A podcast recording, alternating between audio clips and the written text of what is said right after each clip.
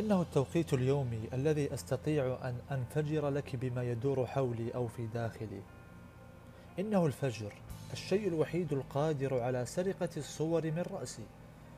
لو أننا نملك شقة بعيدة من هنا لو أن لنا كوخا حجريا بلون الفجر لربما حينها توقفنا عن البحث عن الأسباب. أتعثر في كل شيء. أتعثر وأنا نائم أيضا. أتعثر في الفراغ المحض. فجأة وأنا في منتصف الطريق لأكون الشخص الذي أريده. نسيت تماما ماذا أريد.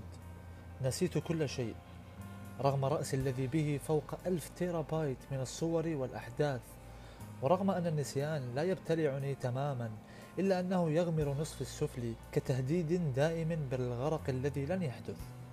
فلا أنا أنسى ولا أنا أجرؤ على التذكر.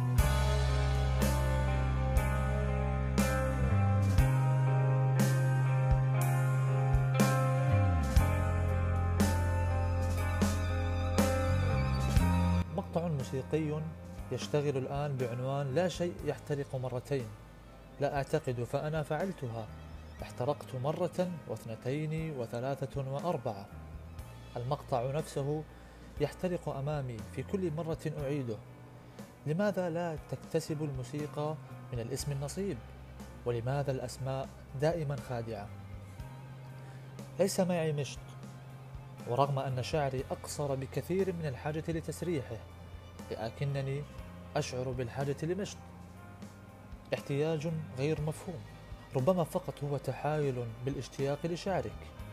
شعرك المظلم كليلة داكنة تبتلع الأشياء من حولها لتكتسب هذا اللون.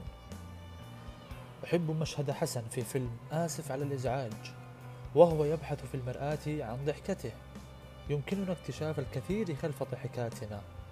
يمكننا فهم أسباب البكاء واكتشاف أسباب الأرق. يمكن لضحكاتنا تفسير هذا الخواء ويمكننا أن نفقدها أيضا. رجل بلا ضحكة في المرآة كيف سيعرف نفسه؟